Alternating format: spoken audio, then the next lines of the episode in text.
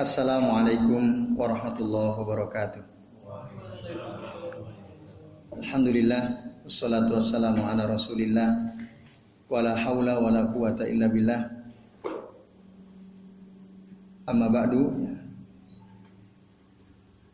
Hadirin dan sekalian, azani Allah wa iyyakum ajmain. Alhamdulillah pada malam hari ini kita bisa berjumpa kembali untuk sama-sama melanjutkan ngaji kitab Tazkiyatun Nufus karya Syekh Ahmad Dr. Ahmad Farid ya hafizahullah taala.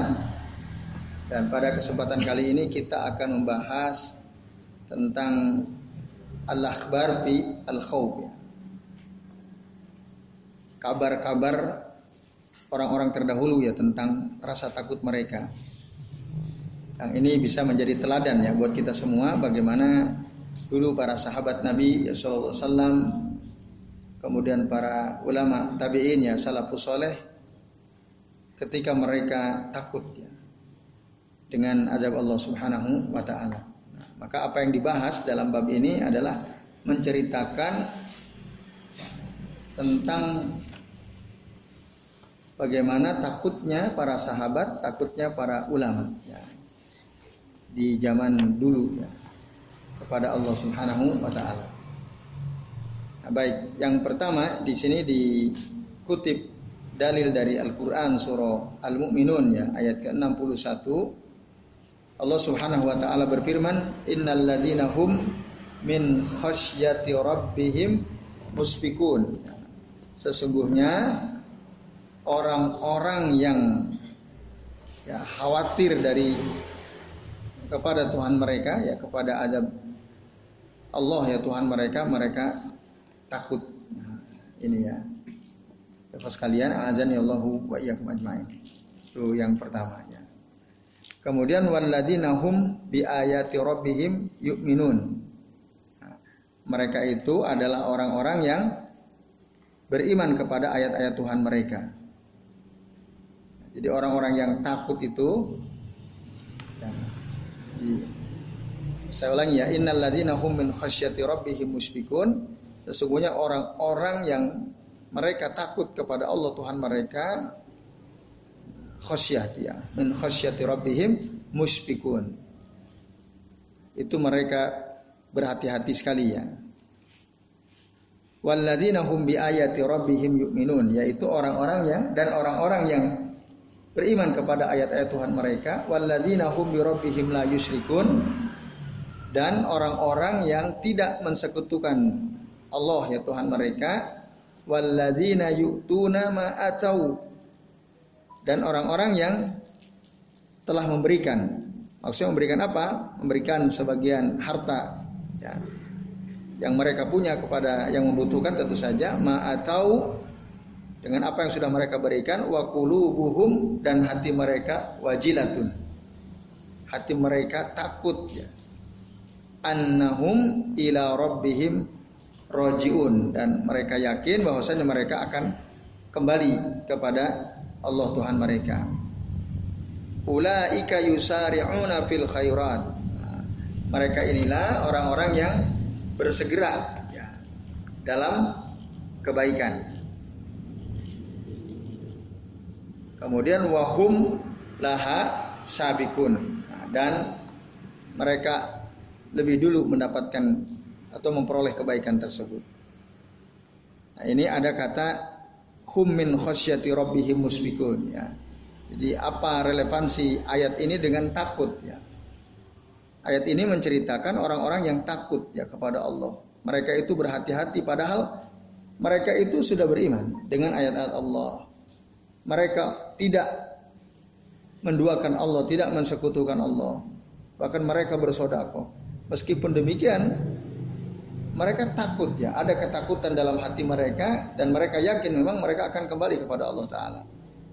Nah itulah orang yang ya, mereka bersegera dalam ke kebaikan. Dalam hadis riwayat Imam At-Tirmidzi ada satu riwayat dari Aisyah radhiyallahu anha. Beliau bertanya ya kepada Nabi. Kata Aisyah, "Sa'altu Rasulullah SAW an hadhil ayat." Aku bertanya kepada Rasul sallallahu alaihi wasallam tentang ayat ini. Ya. Fakultu lalu aku berkata kepada beliau, "Ahumul ladzina yashrabuna ahumul ladzina yashrabuna al-khamra wa yaznun wa yasrikun?"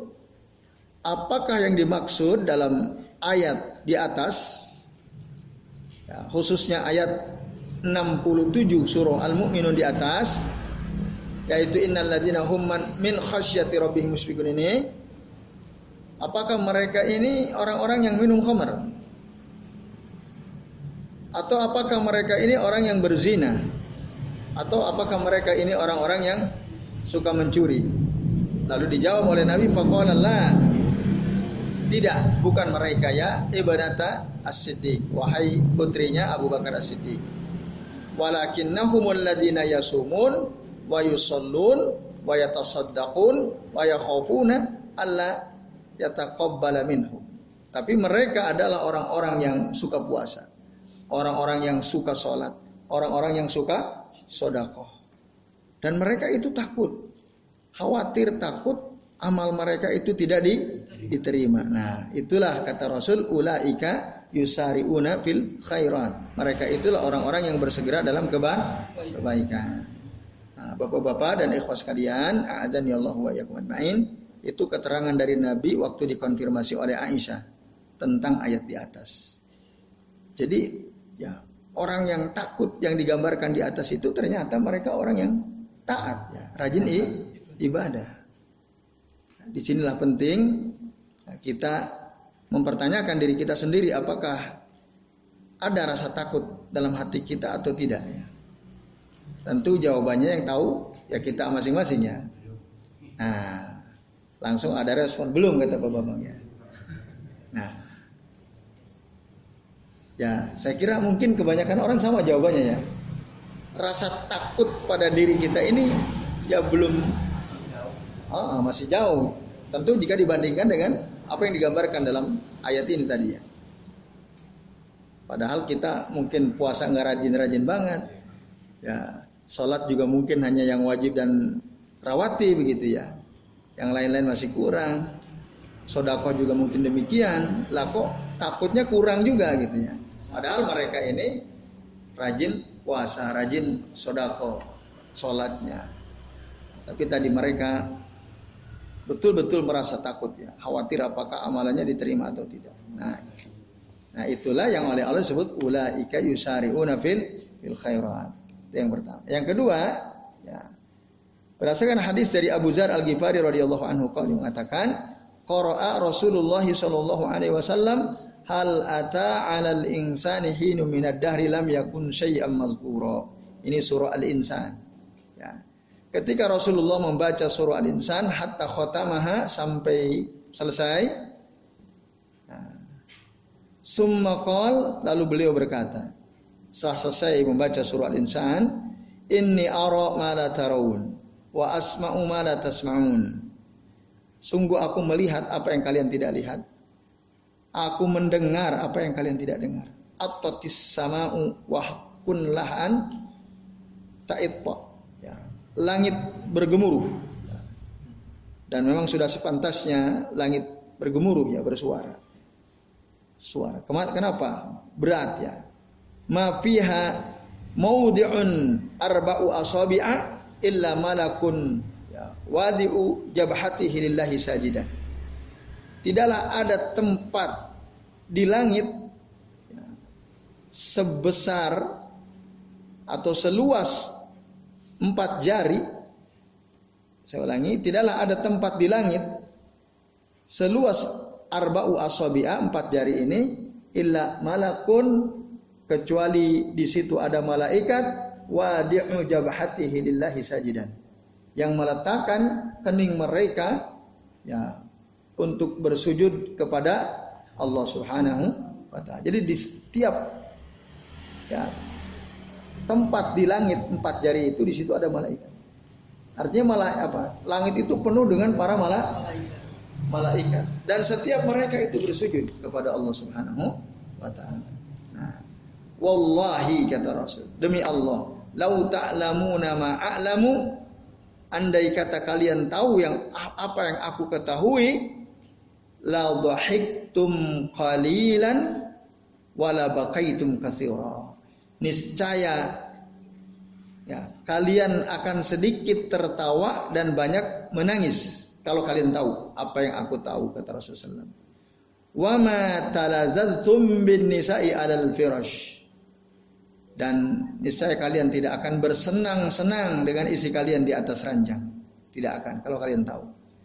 Wala kharajtum ila su'udat taj'aruna ila Allah.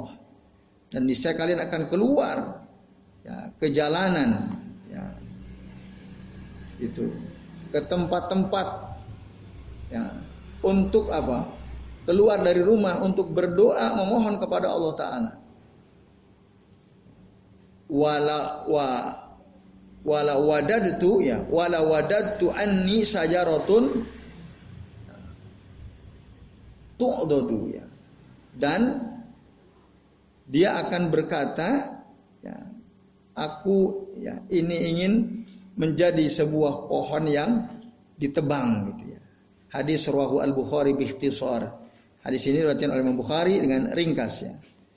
Nah itu gambaran dari Nabi Shallallahu Alaihi Wasallam. Jadi andai kata kita ini tahu apa yang diketahui oleh Nabi, ya, kita bisa melihat apa yang dilihat oleh Nabi, bisa mendengar apa yang didengar oleh Nabi, atau kita bisa tahu apa yang dikenal Nabi, maka kata Nabi tadi, niscaya kita akan sedikit tertawa, banyak menangis kalau kita tahu. Seperti yang diketahui oleh Nabi SAW. Nah, ini tapi memang sayangnya kita tidak tidak tahu. Gitu. Nah, ini bahkan ya tadi emang ya mungkin ada hikmahnya juga kalau kita uh, mungkin selalu dalam keadaan ketakutan gitu ya. Tapi ada di, di balik kita tidak tahu seperti yang tidak dikeluarkan Nabi, nah, kita bisa ada kalanya mungkin kita merasa tenangnya apalagi ada roja ya, ada harapan gitu ya. Tapi ini artinya kabar yang disampaikan oleh Nabi ini ya, mengisyaratkan bahwa ada banyak hal yang kita tahu, yang kita tidak tahu. Kalau tahu ya kita nggak akan bisa ketawa gitu ya. Bahkan mungkin kita akan nangis terus ya, banyak menangis. Nah itu ya apa yang disampaikan oleh Nabi berdasarkan hadis riwayat Imam Al Bukhari. Nah, makna hadis ini apa? Kata saya Ahmad Farid, makna hadis ya, lau annakum alimtum ma'alamuhu min azumatillahi azza wajal.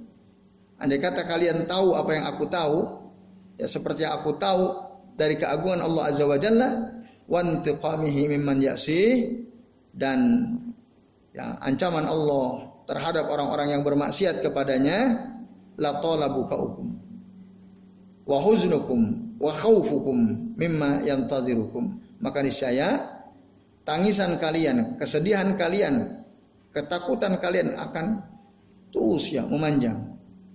Lama gitu. Kalian nangis terus, bersedih terus, takut terus dari apa-apa yang menunggu kalian. Walamma dhahiktum asla. Nah, dan kalian tidak akan tertawa ya. Fal qaliluhu nabi ma'nal ma'dum. Yang dimaksud sedikit di sini la dhahiktum qalilan artinya enggak enggak ketawa gitu. Ma'dum itu tidak ada. Itu yang bisa dipahami dari konteks hadis di atas.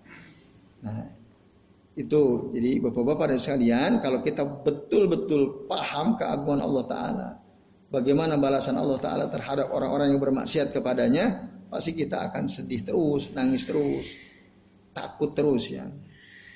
Itu keterangan dari hadis di atas.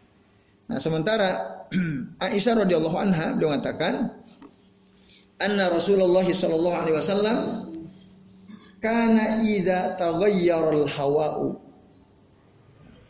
wa habatir rihu asifah. Bahwasanya Nabi itu Nabi SAW apabila cuaca berubah mungkin dari dingin jadi panas, dari musim hujan jadi kemarau dan seterusnya. Wahabatir rih asifah, lalu angin bertiup kencang, ya taghayyaru wa yataraddadu fil hujrati wa yadkhulu wa yakhruj.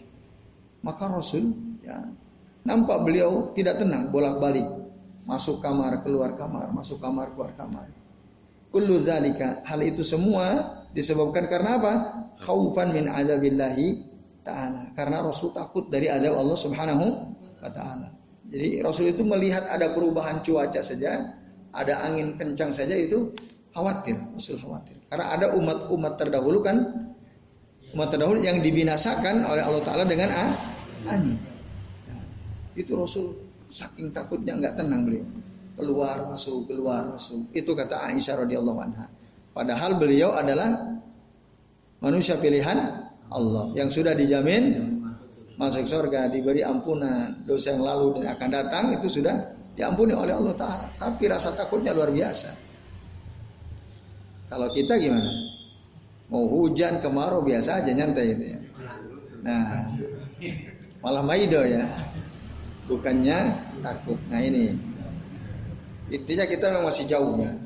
Jika dibandingkan dengan Rasul, bahkan boro-boro Rasul dengan para sahabat pun, dengan para ulama tabiin pun masih jauh ya rasa takut kita kepada Allah Subhanahu wa taala.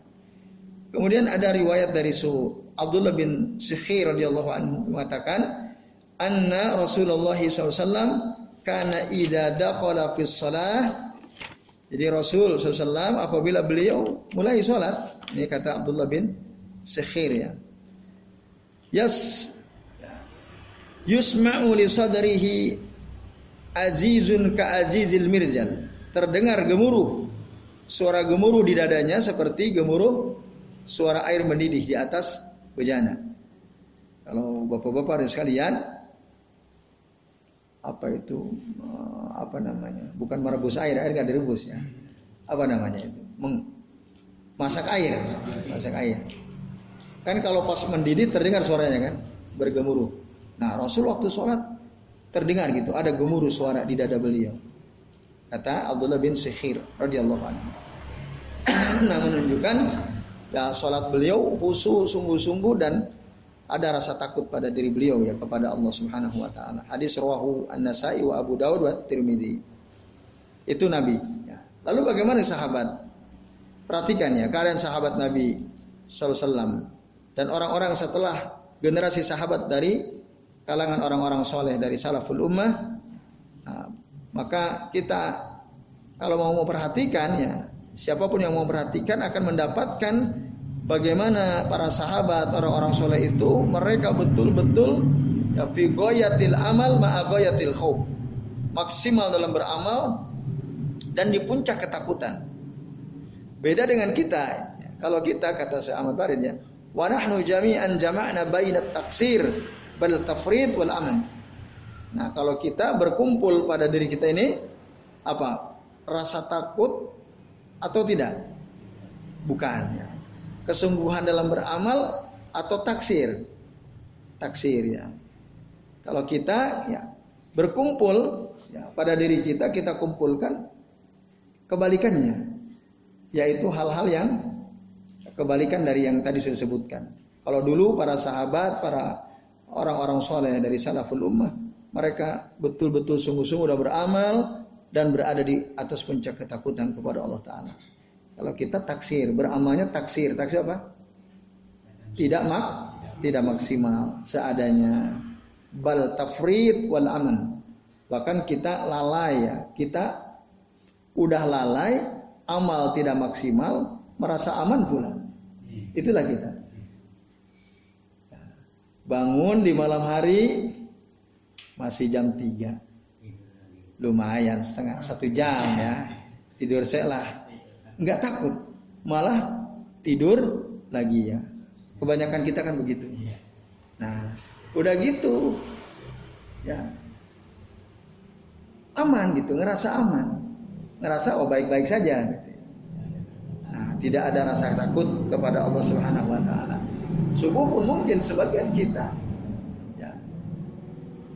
karena tadi tidur lagi nggak sholat lain bangunnya pas azan setelah keluar dari kamar mandi udah iqamah lewat lagi tuh sholat sunnah sholat sunnah fajar nah akhirnya taksir kan dapatnya cuma su subuh tuh itu pun masbuk misalnya Ya, coba. Ada sebagian kita kan begitu. Nah, atau bahkan mungkin kadang-kadang nggak jamaah gitu ya. Nah, ini ya Bapak-bapak sekalian dan ikhwas sekalian, beda ya keadaan kita dengan keadaan para sahabat Nabi ya, dan orang-orang soleh di zaman terdahulu. Lalu ceritakan bagaimana dulu Abu Bakar As-Siddiq radhiyallahu anhu. Ya. Beliau pernah mengatakan wadatu anni sa'ratun fi jambi abdi mu'minin. Aku ingin ya menjadi ya rambut ya sehelai rambut yang tumbuh di tubuh orang beriman. Itu. Jadi beliau ingin jadi rambut saja. Karena rambut kan gak akan dimintai per tanggung jawaban ya. Rontok ya udah selesai. Nah, itu Abu Bakar pernah berkeinginan untuk menjadi se -se sehelai rambut yang ada di tubuh seorang mukmin gitunya. Wa kana idza qama. Nah, dan Abu Bakar itu ketika beliau sholat, bagaimana keadaannya? Ka'annahu min khasyatillahi azza wajalla. Beliau itu seakan-akan seperti sebatang uh, pohon atau ranting karena saking khusyuknya dan takutnya kepada Allah Azza wa Jalla. Allah Azza wa Jalla. Artinya tidak bergerak, betul-betul khusyuk, takut, nggak bergerak, nggak gini-gini, nggak gini-gini. Nah, saking takutnya, saking khusyuknya. Itu Abu Bakar As-Siddiq radhiyallahu anhu. Nah, itu bapak-bapak dan sekalian, azan ya Allah wa nah, kalau kita sholat gimana? Ya, banyak geraknya kan? Nah ini jadi Jauh ya kita dengan level para sahabat Nabi radhiyallahu anhu Nah, Umar sekarang. Umar bagaimana Umar Ibn Khattab radhiyallahu anhu? Tadi Abu Bakar. Nah, jadi gambaran ketakutan Abu Bakar. Gambaran ketakutan Umar ketika beliau membaca surah At-Tur sampai ayat yang berbunyi inna adzab rabbika lawaqi sesungguhnya azab Tuhanmu itu pasti terjadi pasti datang baka wastadda buka'u hatta maridha wa aduhu. Maka Umar menangis. Semakin menangis sampai beliau sakit dan dijenguk oleh oleh para sahabat yang lain. Nah, jadi waktu beliau membaca surah At-Tur sampai ayat tadi ya di suatu malam Saking takutnya dan itu membuat beliau takut. Bapak Ibu, eh Bapak Ibu dan ikhwas kalian, ayat ini kan jelas ada dalam Al-Qur'annya. Inna adzab rabbika lawaqi. Sesungguhnya azab Tuhanmu pasti akan datang, akan terjadi. Bapak Ibu kita takut atau tidak? Harusnya takut, tapi kayaknya biasa aja kita ya. Nah, Umar itu betul-betul takut. Saking takutnya beliau sampai nggak bisa keluar dari rumah beberapa hari. Ya, bayangkan, saking takutnya setelah membaca ayat itu. Paya bukofil baiti ayyaman. Mungkin karena sakit juga. Ya. Lalu beliau dijenguk, dikira yahsabunahu maridhon. Banyak orang-orang mengira bahwa Umar itu sah, sakit karena nggak nampak, nggak kelihatan gitu. Nah, dan wakana fi wajhihi khattani aswadani min kasratil buka waktu dijenguk di wajah beliau ada dua garis berwarna hitam. Nah, mungkin di sini ya. Di sini. Karena saking seringnya menangis ya. Setelah beliau membaca surat tur ini. Nah, ini lalu beliau ya, berkata kepada putranya Abdullah wa huwa yamut pada hari di mana beliau meninggal, "Wa hakadha khaddi 'alal ardi asah yarhamuni." Summa qal ya. Ini perkataan Umar kepada putranya, ya, letakkanlah pipiku di atas tanah. Semoga Allah merahmatiku. Kemudian beliau katakan wa ila ummi illam yaghfirli wa ila ummi illam yaghfirli wa ila ummi illam yaghfirli. Celakalah. Kalau letterleknya sih maknanya celakalah ibuku. Tapi maksudnya celakalah aku jika Allah tidak mengampuni tidak mengampuni diriku celakalah aku jika Allah tidak mengampuni diri. Tiga kali diucap ber, berulang. Summa qadha au summa qudiya. Kemudian dia wafat. Itu setelah mengucapkan ini ya sebanyak tiga kali. Nah, ini yang kita tahu semua bahwa Umar meninggal dengan cara apa? Ditusuk. waktu ngimami sholat subuh. Tapi sempat dialog ya dengan putranya agar meletakkan pipinya di tanah. Lalu berharap semoga Allah merahmati beliau. Lalu beliau merasa wah ini celaka ini kalau Allah tidak mengampuni diriku. Nah, lalu akhirnya beliau meninggal dunia. Itu keadaan Umar ibn Khattab radhiyallahu anhu. Ya. Nah sementara Abdullah bin Abbas ya yang tahu ya, kebaikan Umar, beliau berkata kepada Umar, Masarallahu bikal amsar wa fataha bikal futuh wa fa'al. Ya. Jadi banyak kota-kota dibangun, banyak negeri-negeri ya yang ditaklukkan ya, disebabkan kamu wahai Umar ya atas izin Allah taala. Jadi ketika Umar menjadi khalifah, banyak kota-kota dibangun, banyak terjadi penak penaklukan. Dan itu betul-betul terjadi. Nah, artinya ini ada kebaikan ya, yang dimiliki oleh Umar ibn Khattab radhiyallahu anhu dalam pandangan Abdullah bin bin Abbas. Jadi dengan Umar ibn Khattab itu Allah bangun ya kota-kota, Allah taklukkan negeri-negeri itu betul terjadi tapi apa kata Umar? Wadatu an anjuala la ajro wala wizro. Aku ingin selamat tanpa ada pahala, tanpa ada do, dosa. Artinya apa? Poinnya yang penting selamat deh gitu dari azab Allah Subhanahu wa taala. Karena saking takutnya gitu. Tidak ada yang diinginkan kecuali kesalah, keselamatan dari azab Allah taala. Itu yang ditakutkan oleh Umar Ibn Khattab radhiyallahu anhu. Saking beliau paham. Nah, sementara Utsman bin Affan radhiyallahu anhu mengatakan, karena idza waqafa 'alal qabr Umar itu kalau berdiri dekat kuburan ya baki hatta yabilla lihyatu. Beliau nangis sampai jenggotnya ini basah oleh air mata.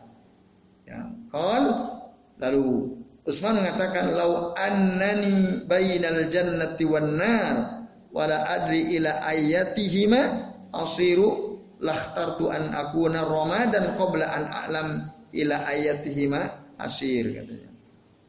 Yang artinya andai kata aku ini tahu ya, atau andai kata aku ini berada di antara sorga dan neraka, annani bainal jannah wan nar, ada di antara sorga dan neraka.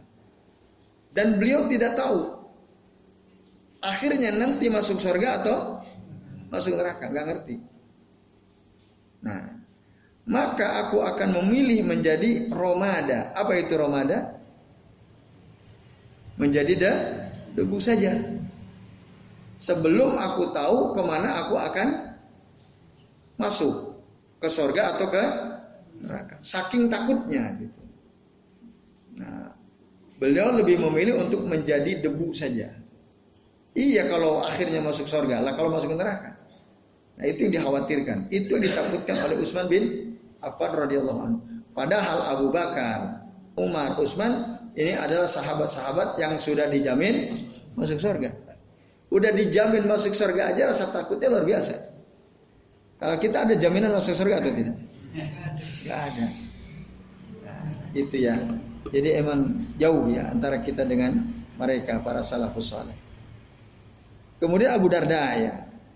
Abu Dar mengatakan Abu Dar radhiyallahu anhu karena yakul dia mengatakan ya, pernah mengatakan lau ta'lamun ya. Ma antum. Lakuna ba'dal maut. Jika kalian tahu apa yang akan kalian dapatkan setelah kematian jika kalian tahu apa yang akan kalian dapatkan setelah kematian ma'akaltum to'aman ala syahwatin wala syaribtum saroban ala syahwatin abada. Maka niscaya kalian tidak akan makan ya, dengan penuh ya hawa nafsu gitu ya. Kalian tidak akan minum ya, dengan penuh hawa nafsu ya, syahwat. Kalau kalian tahu apa yang akan kalian dapatkan setelah kematian kematian. Nah. Wala dakhaltum baitan yastazilluna bih. Wala kharajtum ila sa'idi tadribuna sudurakum wa tabquna ala anfusikum lawadattu anni syajaratun tu'dadu summa tu'kal. Nah, ini kalimat terakhir hampir sama dengan perkataan siapa tadi?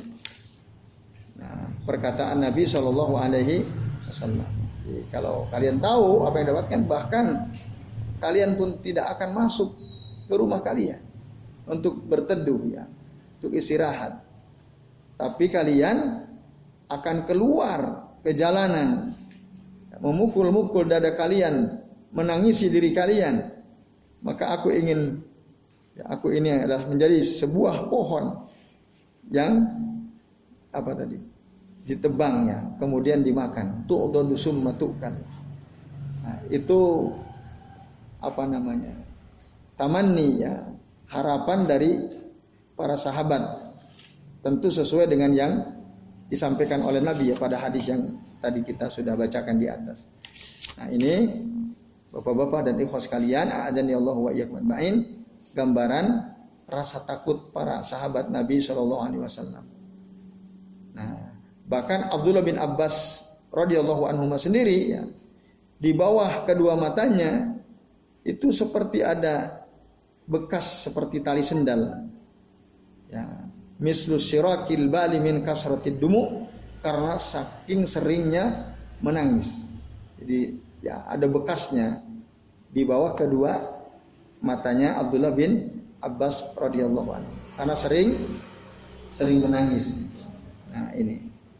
Ali ya, Ali bin Abi Thalib radhiyallahu anhu ketika beliau selesai sholat fajar beliau dalam keadaan galau, sedih. Ya, lalu membalikan tangannya dan mengatakan, "Laqad ra'aitu ashab Rasulillah sallallahu Sungguh aku melihat para sahabat Rasulullah SAW, falam aro al yauma syai'an yusbihuhum. Tapi hari ini aku tidak melihat. Ya, ada orang-orang yang mirip dengan mereka. Dengan mereka siapa di sini maksudnya? Dengan para sahabat. Ya. Laqad kanu ya yusbihuna sa'san sofra gobara baina ayunihim amsal rukabil ma'zi. Jadi mereka para sahabat itu dalam keadaan ya, pucat, dalam keadaan ya, rambutnya kusut, berdebu, dan di antara kedua mata mereka itu ya ada tanda seperti ya apa itu uh, ini lutut kambingnya di di antara mata mereka. Ini mungkin sering sujud itu ya. Ya, qatabu sujjada wa qiyama. Mereka para sahabat Nabi itu sering bertaubat, sujud, salat, yatluna kitab Allah, membaca kitab Allah. Ya, ya yurawihuna baina jibahihim wa aqdamihim. Nah, mereka ya, bergerak hanya antara kening dan kaki mereka saja. Artinya saking seringnya sholat itu. Sholat, sujud, bangkit, sholat, sujud, bangkit. Fa'idha asbahu ketika esok harinya zakarullah tamadu kama yamidu syajaru fi yaumir Mereka berzikir kepada Allah Ta'ala. Tamadu, ya, bergemuruh sebagaimana gemuruhnya sebuah pohon yang terkena angin. Lalu kemudian mata mereka mencucurkan air mata sampai ya, membasahi pakaian mereka. Wallahi demi Allah kata Ali.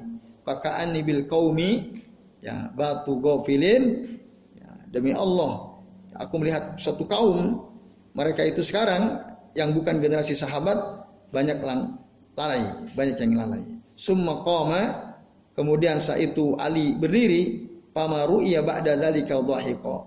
Dhahika apa? Pamaru iya ba'da dzalika dhahika. Setelah itu, setelah peristiwa ini, Ali tidak pernah terlihat tertawa. Ya. Hatta dorobahu ibnu Muljam. Sampai akhirnya beliau terbunuh. Dibunuh oleh si ibnu Muljam. Nah itu. Ini keadaan Ali bin Abi Thalib radhiyallahu anhu membandingkan bedanya zaman sahabat dengan zaman ya sahabat yang ketika ada Nabi dan orang-orang yang hidup setelah generasi sah, sahabat. Jadi orang yang hidup di bawah generasi sahabat itu kebanyakan lah lalai. Beda dengan para sahabat Nabi. Itu kata Ali radhiyallahu anhu ya. Sementara Musa bin Mas'ud beliau mengatakan kunna ija jalasna ila Sufyan. Sufyan ats-Tsauri maksudnya. Ka'annan nara qad ahatat bina lima nara min khaufihi wa jaz'ihi. Ketika kami duduk di majelisnya Sufyan ats-Tsauri, seakan-akan neraka itu ada di sekitar kita. Waktu duduk bermajelis dengan siapa? Sufyan ats-Tsauri, guru dari Musa bin Mas'ud radhiyallahu uh, rahimahullah. Kenapa demikian? Sampai ada kesan ukahnya neraka dekat banget di sekitar kita karena ya apa yang mereka lihat dari guru mereka yaitu Sufyan As-Sauri ya betul-betul dalam keadaan takut ya lima naro min khawfihi wa takut dan khawatir gitu ya. Jadi kelihatan sekali takutnya Sufyan As-Sauri dari azab Allah Subhanahu wa taala, khawatirnya beliau. Ya seakan-akan kita ini ada neraka di sekitar kita. Nah, sampai seperti itu gambaran ya yang disampaikan oleh ulama terdahulu ya terkait dengan bagaimana takut guru mereka Sufyan As-Sauri. Kemudian orang-orang memberikan gambaran tentang Hasan bin Hasan uh, Al-Basri, ya, seorang ulama tabi'in. Beliau mengatakan karena ida akbala ya. Maksudnya orang-orang yang menggambarkan Hasan Al-Basri itu. Karena ida akbala faka'anna ma akbala min dabni hamimi. Beliau itu kalau datang Hasan Al-Basri datang itu ya, ketemu dengan orang-orang itu seakan-akan beliau baru saja mengubur teman dekatnya. Kita punya teman akrab, dekat, saling tolong menolong, saling bantu membantu, sedih-sedih bersama, senang-senang bersama gitu ya. Eh tiba-tiba teman kita dipanggil duluan oleh Allah Taala. Bagaimana kira-kira keadaan kita? Sedih atau tidak? Sedih. Nah, Hasan Al Basri itu ketika datang keadaannya seperti itu. Seakan-akan seperti baru saja datang setelah menguburkan teman dekatnya. Sedih terus kelihatan. Wa idza jalasa, kalau duduk faka'annahu ya, asirun umira biqat'i raqabati. Seakan-akan beliau itu tawanan yang akan dipotong lehernya. Gimana tuh? Seorang tawanan udah diputus bahwa lehernya akan dipotong. Kira-kira gimana? Takut tentu saja kan. Nah, itu gambaran dari orang-orang yang terkait dengan Hasan Al Basri ini. Wa idza dzukiratin nar apabila neraka disebutkan faka'annaha lam tukhlaq illa lahu. Seakan-akan kesannya neraka itu tidak diciptakan kecuali untuk dirinya sendiri. Seakan-akan karena saking tak takutnya ke kepada siksa api neraka. Nah, itulah gambaran Hasan Al Basri seorang ulama tabi'in ya rahimahullah. Bapak Ibu dan hadis sekalian, azani Allahu wa iyyakum ajmain. Kemudian Waqala rajulun li ahadil ulama. Ada nggak di antum? Oh nggak ada ya. Zurarah langsung ke Zurarah ya. Nah, sebentar. Oh maaf. Nah, Zurarah ya. Diriwayatkan bahwa ada dulu nama seorang tokoh namanya Zurarah bin Abi Aufa. Disebutkan oleh Imam Az-Zahabi ya. Shalla bin nasi al-fajr bi suratil mudaththir. Jadi Zurarah bin Abi Aufa ini pernah sholat mengimami orang-orang waktu itu sholat subuh subuh. Beliau membaca surah Al-Mudaththir. Falamma qara'a qaulahu ta'ala tabaraka wa ta'ala ketika beliau membaca surah Al-Mudaththir ayat 89 ya yang berbunyi faida nukira fin naqur fadzalika yauma idzin yaumun asir dan apabila trompet sangkakala itu ditiup maka ya itu adalah hari yang susah. Jadi kalau trompet sangkakala sudah ditiup oleh malaikat Israfil, hari itu adalah hari yang susah. Fa yauma idzin yaumun asir. Kalau kita mengalami gitu ya, gitu oleh malaikat Israfil. Wah itu susah udah. Saking takutnya apa yang terjadi kepada Zuror bin Abi Aufa. Akhazathu syuhqatun pamata. Beliau langsung pingsan dan kemudian mening meninggal. meninggal. Bayangkan. Saking takutnya. Ketika membaca ayat tadi. Fa'idha nukira fin naqur padalika yauma idzin yaumun asir. Sampai seperti itu ya. Ada seorang ulama dulu karena saking besar rasa takut mereka kepada Allah Ta'ala saat membaca ayat-ayat Allah langsung meninggal. Nah tentu ini kira-kira suul khotimah atau usul khotimah ini? Meninggal dalam keadaan sedang sholat. Ya, dalam keadaan sedang sholat, imami sholat, lalu paham apa yang dibaca. Nah ini ya karena saking takutnya terhadap ya azab Allah taala. dan yang terakhir Bapak-bapak dan ibu sekalian ya diriwayatkan dari Abdullah bin Amr bin Al-As radhiyallahu anhu. Beliau pernah berkata, "Ubuku fa in lam tabku patabakau." Nangislah kalian kata Abdullah.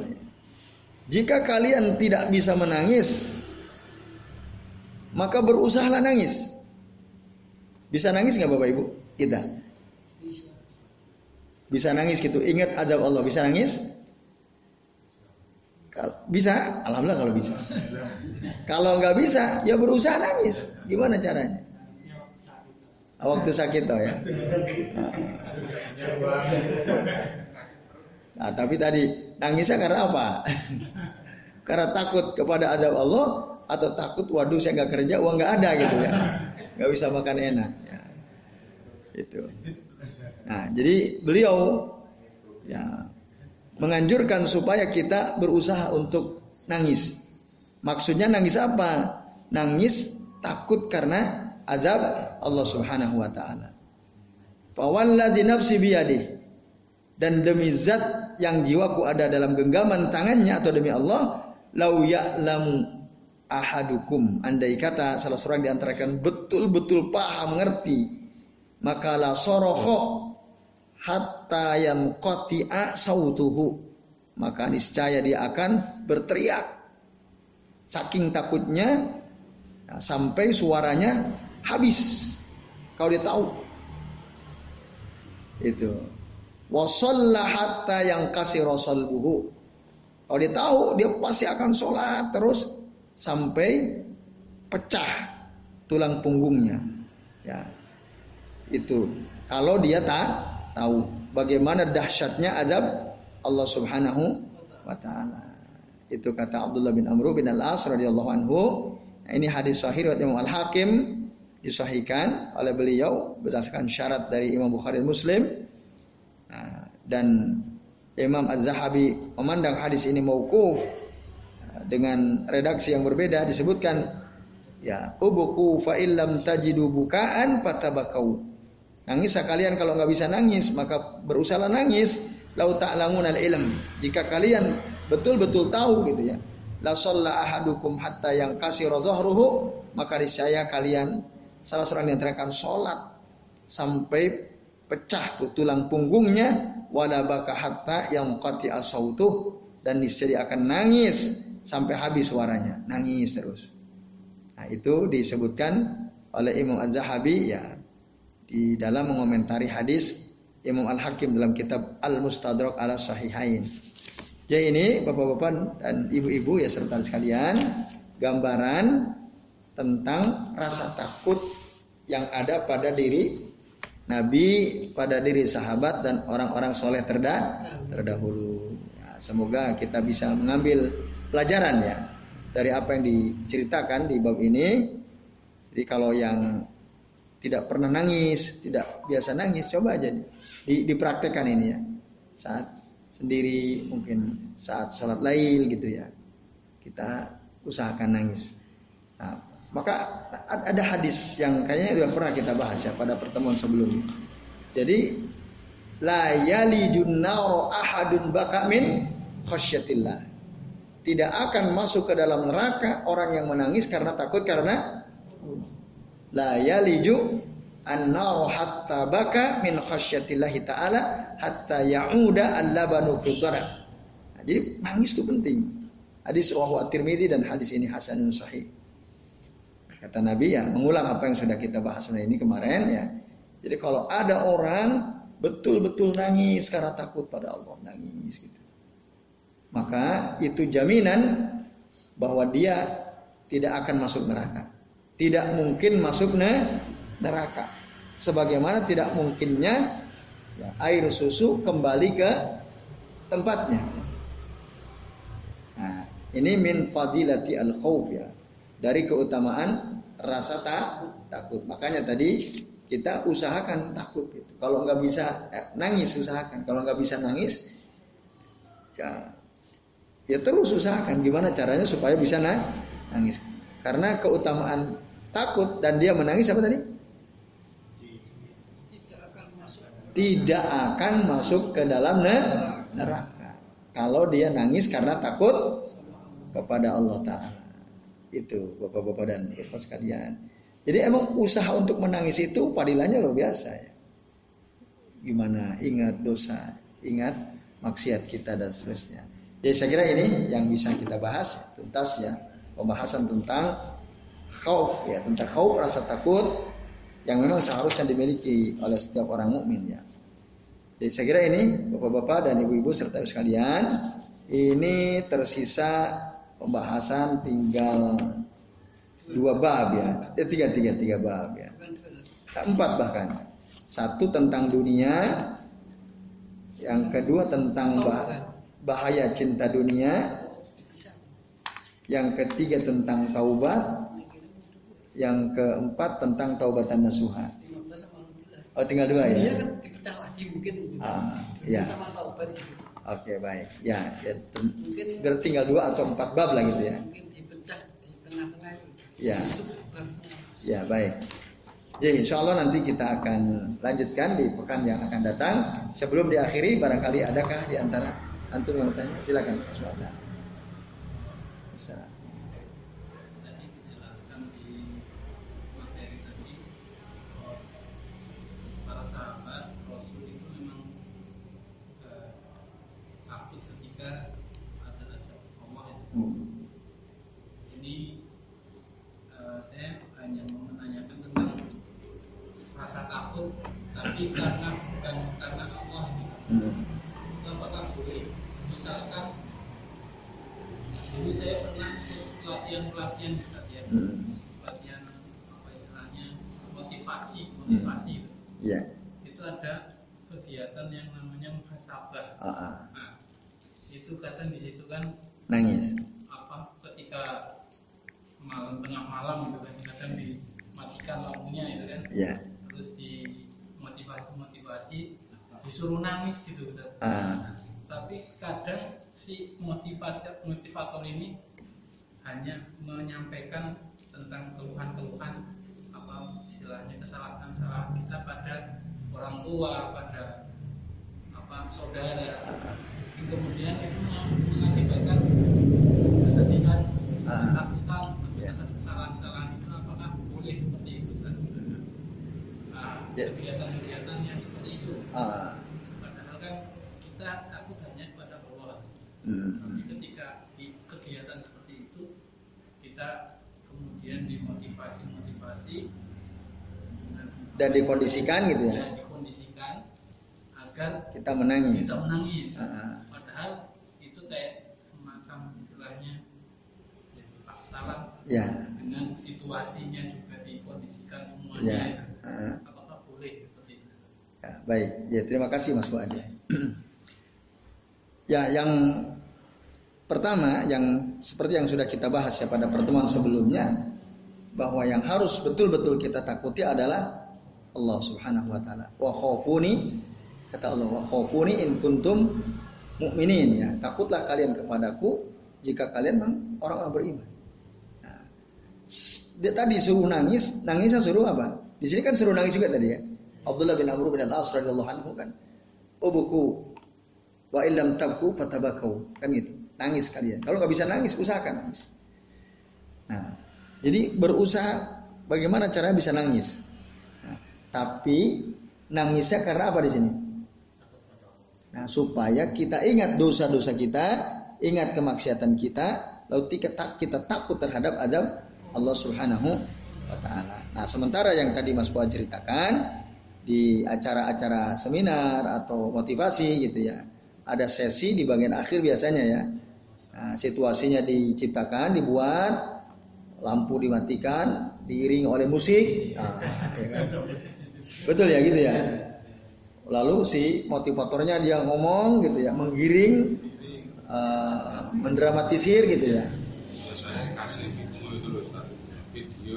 Sampai ada tampilan gitu ya, divisualisasi ya. mungkin panas seorang anak ibu atau seorang teman teman kejadian itu benar-benar menyedihkan. Mengingatkan akan dosa-dosa kita pada orang tua. Membuat membuat kita jadi haru kan. Berarti kan nangisnya bukan karena takut sama ada Allah kalau itu kan. Bukan kan? Karena terharu, sedih, kasihan gitu ya. Melihat. Nah, lagi ditanyakan boleh tidak menangis karena iba? Itu kan? Jawabannya boleh. Ya, menangis karena divisualisasikan gitu ya. Uh, ada situasi tertentu yang apabila kita mengalami ya, peristiwa itu atau keadaan itu bagaimana gitu ya. Lalu akhirnya kita jadi sedih, menangis ya. Tapi di, di, di, diciptakan situasinya di diiringi oleh musik-musik tadi kan. Nah, kalau saya beberapa kali ikut nggak pernah bisa nangis kalau saya ya. Orang pada nangis sesegukan saya nggak bisa nangis lagi gitu ya. Nah, beberapa kali saya pernah ikut juga gitu ya. Ada teman ngajak ikut acara pelatihan motivasi. Tapi ya susah juga. Mungkin karena keras hati atau gimana.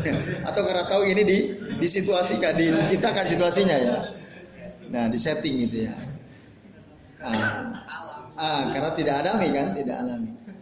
Nah, tapi tadi kalau ditanyakan boleh ya boleh saja, tidak ada masalah, tidak masalah. Ya, karena tadi kan membuat supaya hati kita ini ini apa peka gitu ya dengan situasi yang apa tidak baik ya dan seterusnya lah. Nah, ada, maka dalam rangka untuk memunculkan kepekaan hati, terus apakah kita ikut bisa ikut bersimpati atau tidak dengan situasi itu, maka ya bisa-bisa saja, boleh-boleh saja, mubah lah hukumnya mubah.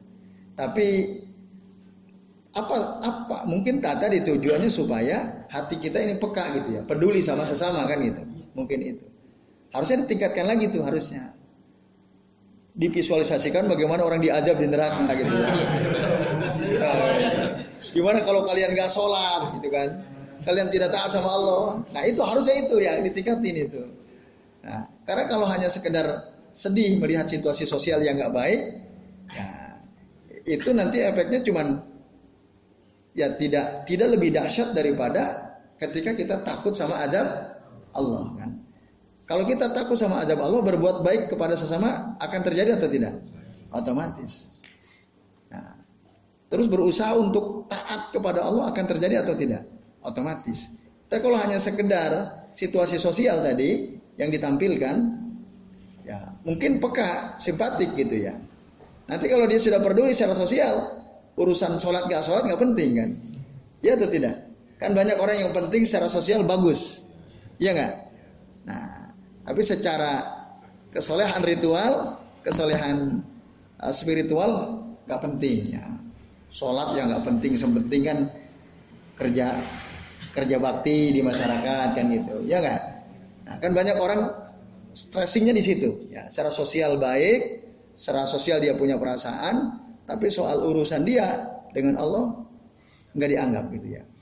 Nah itu, makanya coba aja lihat di kampung-kampung kerja bakti hampir semua keluar. Ya enggak? Tapi pas sholat jamaah keluar semua atau enggak?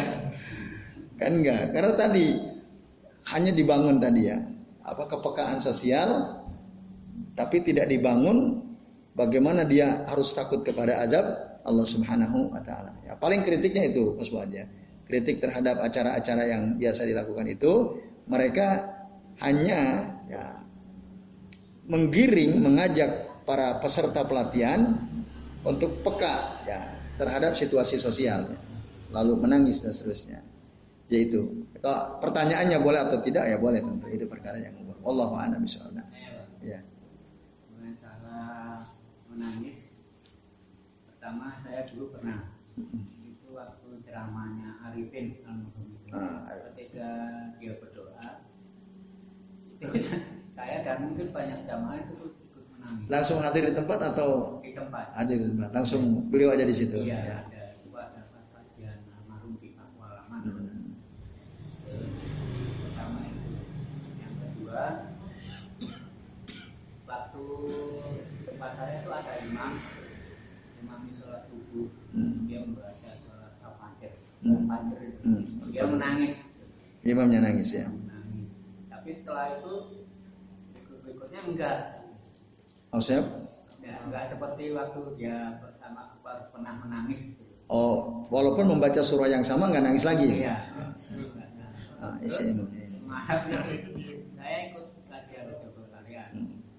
Itu ada orang tanya di mana atau saya kurang paham tapi Ustaznya itu jawab lebih baik kamu itu menangis ketika sholat di rumah daripada di masjid karena kalau di dikhawatirkan menimbulkan ujub. Pria, ujub pria. Itu bagaimana? Ya. Satu tadi pas ikut kajian Ustaz Arifin Ilham ya. Iya. Terus yang kedua apa tadi? Oh ada orang ini mami sholat ya, baca surah al-fajr nangis, tapi pada hari-hari berikutnya mau baca surah yang sama kok nggak nangis? Ya, ya. kan nggak berubah itu kelakuannya berubah. Ya. Nah, Baik, ya. Antum menangis kenapa? Kan itu pertanyaannya. Waktu ikut kajian itu menangis karena apa? Ya, karena dia maka itu berdoa meminta ampun atas doa-doanya, Pak. atas dosa-dosanya. Iya. Kan Jadi saya juga merasa itu banyak dosa. Ah, berarti bagus tuh. Ingat sama dosa kan? Ah, berarti bagus itu. Jadi mengingatkan kita akan dosa-dosa kita. Lalu kita takut sama Allah, akhirnya kita nangis. Nah, itu bagus. Bagus. Nah, itu ya. Kalau bisa ya sering-sering begitu itu ya, sering-sering ingat dosa, menangis. Walaupun mungkin tidak harus selalu di majlis ilmu karena kalau majlis ilmu kan tidak tiap hari kan. Iya. Nah, itu. Tapi itu terus dipraktekkan di situasi-situasi yang lain ya. Kita sholat lail, kita berusaha nangis ya. Tentu itu bagus. Yang kedua, ada orang imam baca surah Al-Fajr nangis. Tapi hari-hari berikutnya tidak nangis. Itu kenapa? Ya antum harus tanya sama beliau. Kenapa kok antum waktu kemarin nangis, kok berikutnya antum gak nangis? Nah itu kita nggak tahu ya karena Allah yang tahu kan kita hanya bisa nahnu nahkumu bidzawahir wallahu yatawalla bisarair ya. Kita hanya bisa menghukumi seseorang apa yang kelihatan gitu ya. Nggak terlihat ya Allah alam kita nggak tahu. Bisa jadi nangisnya mungkin karena dia paham kan wal fajri wal layalin asr was safi wal watr wal laili ida ya seterusnya. Alam taro kaifa fa'ala rabbuka bi ad iramadatil imad. Mungkin dia paham itu. Bagaimana Allah perlakukan kaum ad kaum iram dan seterusnya. Akhirnya dia nangis. Atau bisa jadi dia sholat baca itu. Pas kodarullah pas dia baca itu dia ingat waduh dompetnya hilang gitu ya ATM semua di sana nangis kan. Kita nggak tahu kan. Nah, maka harus dikonfirmasi itu nangisnya karena apa. Nah, apalagi ternyata perilakunya tidak berubah gitu ya. Nah, harusnya orang takut karena Allah harusnya memang harusnya berubah atau tidak harusnya? Harusnya berubah harusnya. Nah, berarti antum tanya tuh sama beliau, kenapa? Nah, ya. Itu saya nggak punya apa pak karena waktu dia ajak saya ke Pakualaman itu. Besar itu hmm. itu kan ada kajian Sabtu nah hmm. saya pas di mahkamah kan udah mulai pak hmm. saya jawab itu udah mulai saya jawabnya ya mulai hari ini kemudian di saya Ah, saya saya nggak jawab ini. Iya. Ada Oke. yang pertama itu yang saya maksudkan pendapat itu gimana pendapat Ustaz itu lebih baik kamu Yang terakhir, yang terakhir. Kan tadi baru dua kan? Yang ketiga belum dijawab. Nah, yang ketiga ada benarnya. Iya, ada benarnya. Bisa jadi ketika kita nangis, misalnya lagi ngimami saja atau mungkin jadi makmum. Kalau jadi makmum kemungkinan nangis ada nggak? Ada, tapi mungkin nggak fokus ke bacaan imam barangkali ya. Imamnya baca surah lain, kita ingat ke dosa kan? Yang paling memungkinkan kita yang imami kita baca surah itu paling kemungkinan besarnya paling mungkin itu. Makmum ya mungkin saja. Tapi kalau dia jadi makmum sholatnya jahar, kan harusnya kita mendengarkan kan? Mendengar. Iya, mendengarkan bacaan imam. Kecuali kalau kita paham apa yang dibaca imam, imam membaca ayat-ayat tentang azab Allah misalnya. Lalu kita ngerti, kita nangis ya mungkin saja. Nah, nah misal surah An-Naba kan, itu kan ngeri. Itu kan inna ya. Nah, itu kan. Inna jahannama kanat mursada lit-taghina ma'aba labisina fiha aqaba.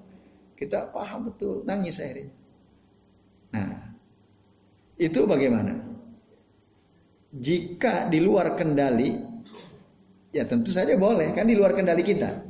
Kita karena kita paham apa yang dibaca oleh imam, tiba-tiba nangis. Bahkan nangisnya sesegukan gitu ya. Mungkin nggak? Di luar kendali diri kita. Ya boleh, tidak ada masalah. Yang nggak boleh itu kalau dibuat-buat. Nangis dinangis-nangiskan ya.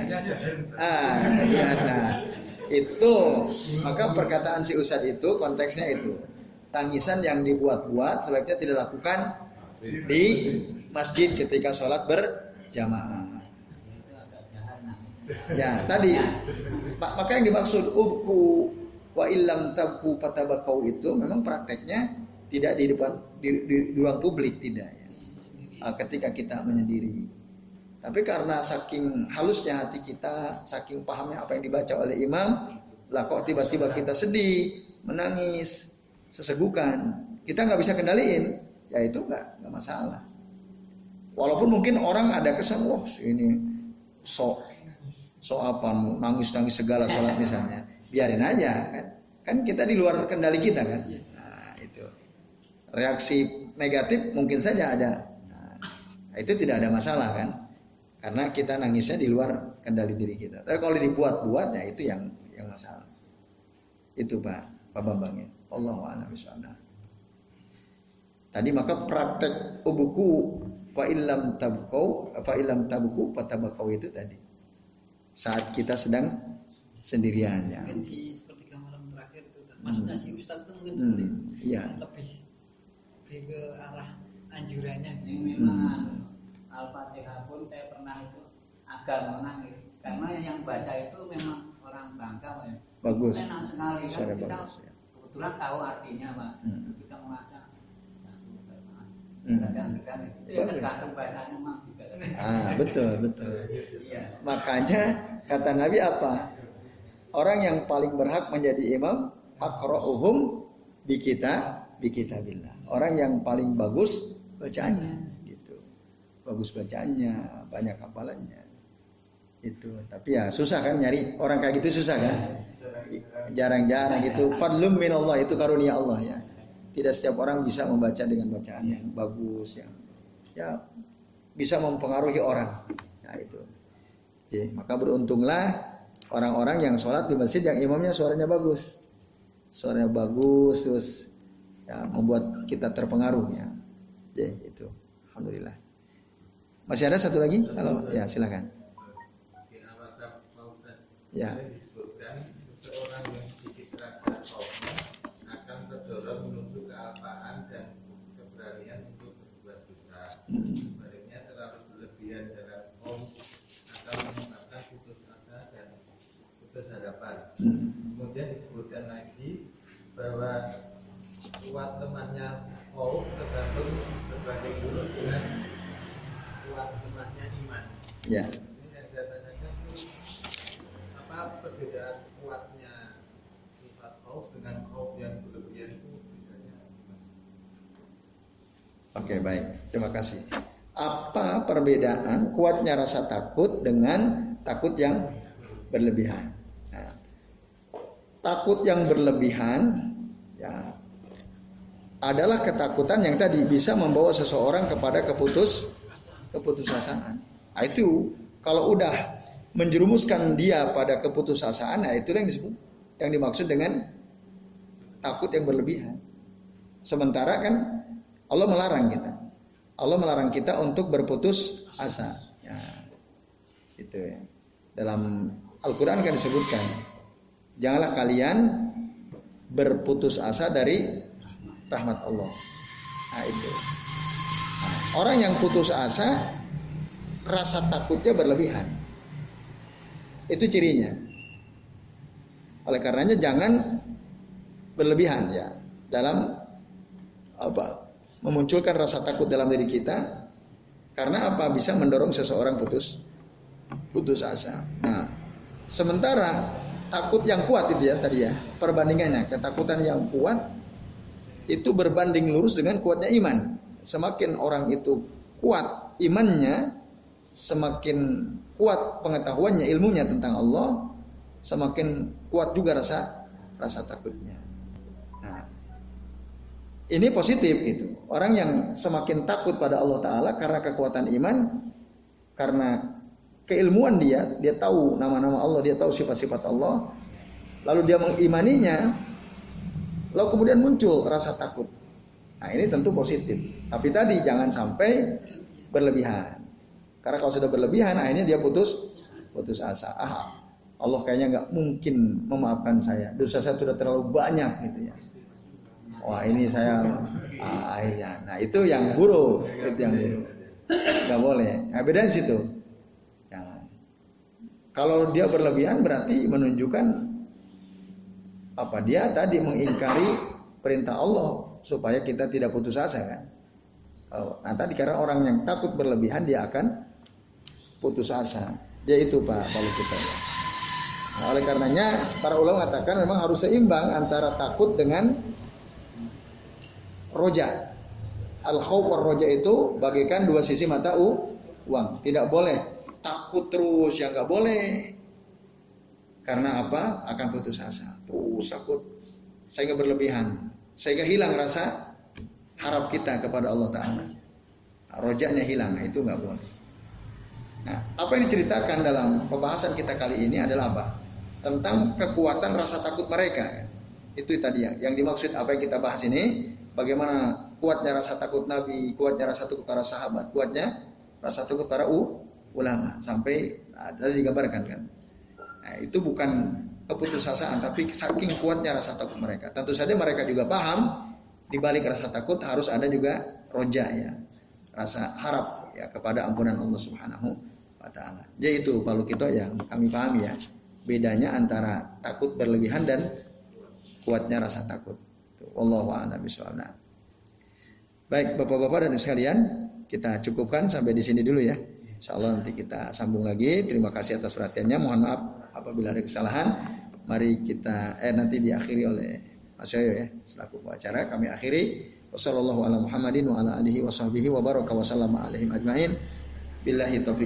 Wassalamualaikum warahmatullahi wabarakatuh.